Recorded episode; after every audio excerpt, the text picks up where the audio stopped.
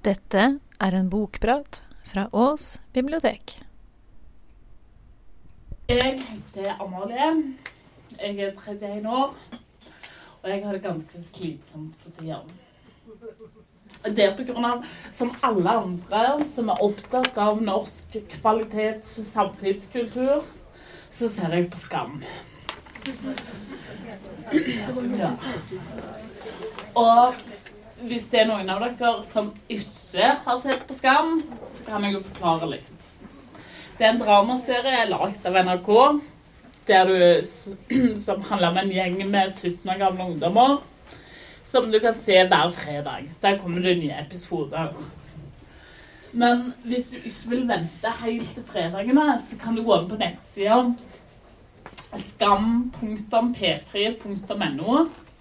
For der legger de ut klippene kontinuerlig. Hele døgnet, hele uka. Og da får du både klipp, og du får utdrag av chatter, og du får Instagram-bilder. Og jeg er totaltekst hekta. Men det er vi jo ikke alene om, da. Vi er jo dritmange som ser på denne serien som handler om videregående skoleelever. Selv om vi ikke akkurat er i målgruppen. Det er tredje sesongen som går nå, og den sesongen handler om forholdet til Isak og Even. To gutter. Og det er et typisk tenåringsforhold. Det er drama og triste greier og krangler, og ingenting funker. Og dette tror jeg er første gangen jeg har sett en homofil kjærlighetshistorie som like gjerne kunne vært en heterofil. Det er ikke det at de er to stykker av samme kjønn, så er det store greier. Det er bare det at de er ungdommer, og kjærlighet, det er jammen meg stress. Og jeg liker det kjempegodt. Forrige uke så hadde jeg en klasse hos meg, en 7. klasse. Og når alle sammen sto i kø for å låne bøker etterpå, så begynte man å diskutere Skam. Og dette var jenter og gutter på alle rundt tolv år. Og de begynte å si å nei, jeg er litt sesong to mye bedre enn sesong tre. På grunn av sesong to den var fylt av kjærlighet, men sesong tre det er bare drama. Og jeg bare Herregud, unger! Det er jo dette som er kjærlighet. Det er mye drama nå, men sånn er jo livet. Åh. Og da syns de kanskje at jeg var litt pussig. Men dette er Skam, lagd av NRK, det er jo det som er livet. Herlighet. Men det som er ekstra kjekt med serien, er at han tar ungdom så seriøst på alvor. Det er ikke noe ovenfra og ned. Det er at de er likemenn. Og det gjør det så deilig å se på det. Og det er kanskje det som er viktigst for meg i barne- og ungdomslitteratur òg. At jeg vil se på filmer, jeg vil lese bøker som tar målgruppen seriøst. Da vet jeg hva jeg skal formidle. Hvis det er noen som snakker til fjortisen i dag, så vet jeg hva jeg skal snakke til fjortisene som kommer på biblioteket.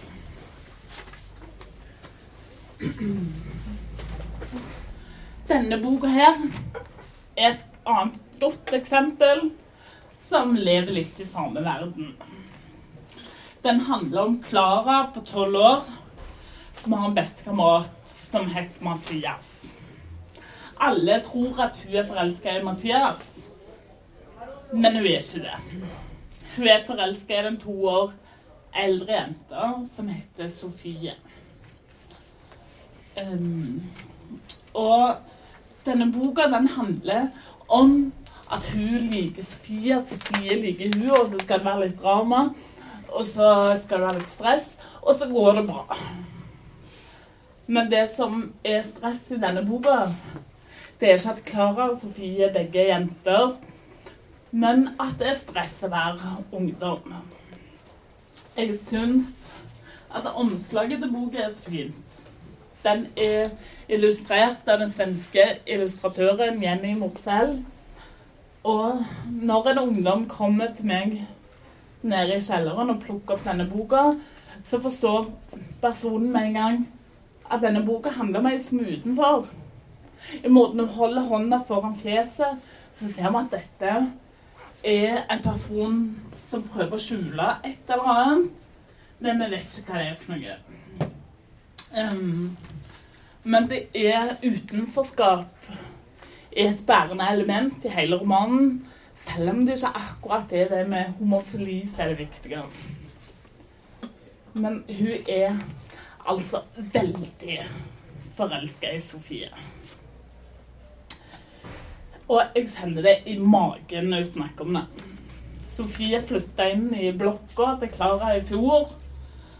Og vi leser at hun husker første gang hun så Sofie gråt. Da satt Sofie på lasterampen til flyttebilen og dingla med beina. Det røde håret nådde henne nesten ned til korsryggen. Det er en umiddelbar tiltrekning. Første gang hun og Mathias, bestekameraten, ser um, Sofie sammen, um, så sier han at mora har sagt at de der, de er anarkister. Men eh, Sofie spør ja, men hva betyr det? Hva betyr det at de er anarkister? Og da sier han folk som er triste og doper seg vel. Hun er utenfor. Og det at hun er utenfor, handler ikke om at hun kommer til å bli sammen med Sofie. Det handler om at hun ser rar ut, at familien ser rart ut. Hun er på den andre sida. Um, den høsten Sofie flytta til Stjerneskuddalen, var Klara syk en hel uke, leser vi senere i romanen i et tilbakeblikk. Det var en forelskelse som traff meg rett i magen. Thomas Marco Blatt har skrevet en veldig fin begynnelse i boka. Den går som dette. Klara og Mathias er kjærester, roper Even og følger etter Klara og Mathias mellom blokkene. Slutt da, sier Klara og skyver Mathias videre. De løper gjennom gresset langs anleggsjordene som omgir Stjerneskuddalen. Det pleier å være fullt av barn i dalen, men nå har den vært stengt lenge. Med denne prangbegynnelsen så forstår vi at Klara, som vi ser på forsida, hun er utenfor. Hun liksom, det bildet av hun som springer vekk fra de andre ungene, blir et veldig tydelig tegn på at hun ikke føler seg sammen med de andre. Um, men der er jo sammen med han bestekameraten. Men vi forstår kjapt at hun er utenfor der òg. Pga. etter at de har sprunget langt vekk fra han her Even, så legger de seg ned på gresset.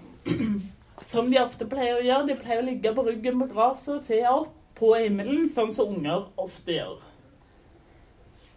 Det der er en elefant, sier Mathias plutselig og peker opp i lufta.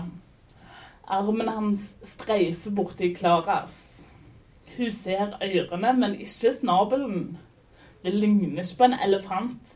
Men Klara sier ikke det. Hun sier du, vi er bestevenner, ikke sant? Og med billedbruken og fortellerteknikken til Blatt, så viser han så tydelig og fint hvordan hun er utenfor. På grunn av når vi ser eh, situasjonen foran oss, så ser vi bare to unger som ligger og er venner sammen. Men vi får høre hennes tanker og ser at hun er ikke til stede i situasjonen. Da hun kommer hjem etter å ha ligget på gresset der med han Mathias, så er det faren som skal ta leggene og blemene og få henne til å sove. Og faren snakker om at hun og Mathias er så gode venner. De kommer nok til å bli kjærester en gang. Men Klara, for henne så er ikke det en mulighet. Pappa skulle bare visst hvem jeg er forelsket i, tenker Klara og ser for seg naboen i fjerde etasje. Naboen med hullete jeans, langt rødt hår og grønne øyne. Huset heter Sofie. Og på den måten så viser Blatt at hun er utenfor i det som ser ut som en nær kommunikasjon med pappaen òg. Men hun er sikker sjøl. På hennes tanker. Og det er deilig å lese. Selve boka er delt opp i tre deler. Og den er ganske lettlest, både i formen og i språket. Det er en oppskrift. Første del i boka det er en presentasjon av Klara, av familien, av hvordan hun bor, øh, og hvordan hun har det hjemme. En, hverdag et hverdagsreferat tidlig går som dette. Ved frokostbordet leker Kevin og faren at de flyr brødskiver inn i munnen. Klara syns de er barnslige og gidder ikke uh, le av det. Moren til Klara spør om noe i veien. Klara virker så tankfull. Hun er utenfor der også. En eh, fin og kanskje ganske typisk scene fra første del er at de er på kjøpesenteret. Hele gjengen for både, Sofie, eh, for både Klara og broren skal kjøpe seg nye sko. Og da ser Klara Sofie sitte nede på en benk sammen med en sånn tøff klassekamerat. Klara vet ikke hva han heter, men hun har sett ham med snus under leppa i skolegården. Sofie har på seg sort skinnjakke og grå singlet som vanlig. Og da stikker det veldig i magen på henne. Og hun blir dritdårlig humør, snakker drit til familien sin, og så går hun hjem og sender en tekstmelding til Mathias, og da sier hun ja, vi kan godt være kjærester, altså, men jeg er ikke forelska i deg. For han er jo søt, han òg, og da kan du like gjerne bare gjøre det. Og det er et sånn fint grep. Det er noe som alle tenåringer har vært med. At det handler ikke om at det er en jente eller en gutt eller hva det er, men han eller hun som du liker, henger ut med noen andre. Da blir man sure. Um, I andre del så blir hun en slags venner med Sofie. Hun tar og går opp med kakao til henne pga. hun har hørt at hun er syk, og bla, bla, bla. Og så til slutt så går de på kino tilfeldigvis sammen, og der holder de hender. Ah. Eh, men det er jo litt krise når hun egentlig er kjæresten til Mathias. Uff. Så hun må jo si det til ham, da. Du vet Sofie i niende? Hun i blokka di? Ja, sier Klara. Hva med henne?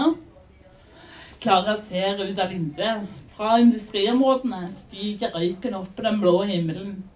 Mellom bygningene og heisekrammene nede i sentrum skimter Klara så vidt båten i Oslofjorden. Sofie og jeg, sier Klara og ser på Mathias. Vi var sammen i helga. Var ikke du syk i helga? Jo, men så ringte Sofie på døra. Mamma sa hun fikk komme inn ei lita stund. Og så dro hun på kino på søndag. Vi så den nye Wonder Woman-filmen. Bare dere to? Ja. Og så holdt vi hender. Men Sofie er jo ei jente. Ja. Er du forelska i ei jente? Litt, kanskje. Og så sier hun men vi kan vel fortsette å være venner for det. han. Og da sier hun at det er han ikke helt sikker på. Og så sørger han for at eh, for at hele skolen får vite det. Og det blir totalt kaos og drama, og alle blir sinte og bla, bla, bla. Eh, men så går det bra. Og boka slutter med at Sofie og Klara sitter og prater sammen. Og vi forstår at det kommer til å gå fint, og vi kommer til å få den gode slutten som vi hele tiden har hatt lyst på i boka, og de skal holde hender akkurat når boka slutter. Ja. Og så er det det at hvorfor vil jeg at dere skal lese denne boka? Eller hvorfor vil jeg at dere skal ta og kjøpe den til den 14 år gamle niesa deres til julegave, f.eks.? Det er faktisk først og fremst pga. språket i boka. Dere kjenner kanskje til Thomas Barco. Han har jo skrevet både romaner, men vi kjenner han jo best som poet. Og språket i denne ungdomsromanen den er en sånn blanding av herlig konkret, men òg drømmene, der vi ser poeten igjen komme fram, gjør at det blir en sånn fin stemning i løpet av hele boka som er deilig å lese. Det er en god grunn til å lese den bare av den grunn. Og så selv om jeg sier at eh, det med at hun er homofil, at det ikke er det viktige i boka, så er det deilig at det er en, en lesbisk person som er hovedpersonen. Um, Guri Fjellberg på bokkritikk.no skrev om boka at han har skrevet en bok som håndterer homofili på en bra måte. Endelig så får vi en eh, roman med homofili som tema, uten lange selvransakelser, med påfølgende identitetskrise. For det har aldri vært noe spørsmål om Klara eh, er lesbisk. Det har visst hele tida, helt siden Sofie flyttet inn for et år siden. Så det er ikke det som er problemet. Det er bare problemet hvordan hun skal få tak i det. Akkurat som andre kjærlighetsbøker som har en bunke av nede i kjelleren. Og det syns jeg var så befriende å lese. For et par uker siden uh, så hadde jeg en gjeng femteklassinger fra Rustad nede hos meg. Da fortalte jeg de om boka 'Den sommeren da pappaen min ble homo' av Harald Rosenløv Eg. En veldig festlig bok om to stykker som drar på ferie på en campingplass. Og plutselig så blir pappa homo og blir kjæresten til pappaen til hun venninna som bor borte i campingvogna der borte på andre sida. Veldig morsomt, veldig festlig, gleder masse. Men når jeg fortalte om den til femte klasse, så var det et unisont æsj som kom. Og så sa jeg hæ, hva er det dere sier æsj til? Æsj, det er veldig ekkelt, da. Med homo. Uh, og vi fikk jo en fin samtale ut av det. Men det fikk meg til å tenke på at det er et stort behov for bøker og filmer og TV som behandler homofili som en helt naturlig ting, og ikke det aller mest spesielle i kulturprodukter. Og det er dette et veldig godt eksempel på.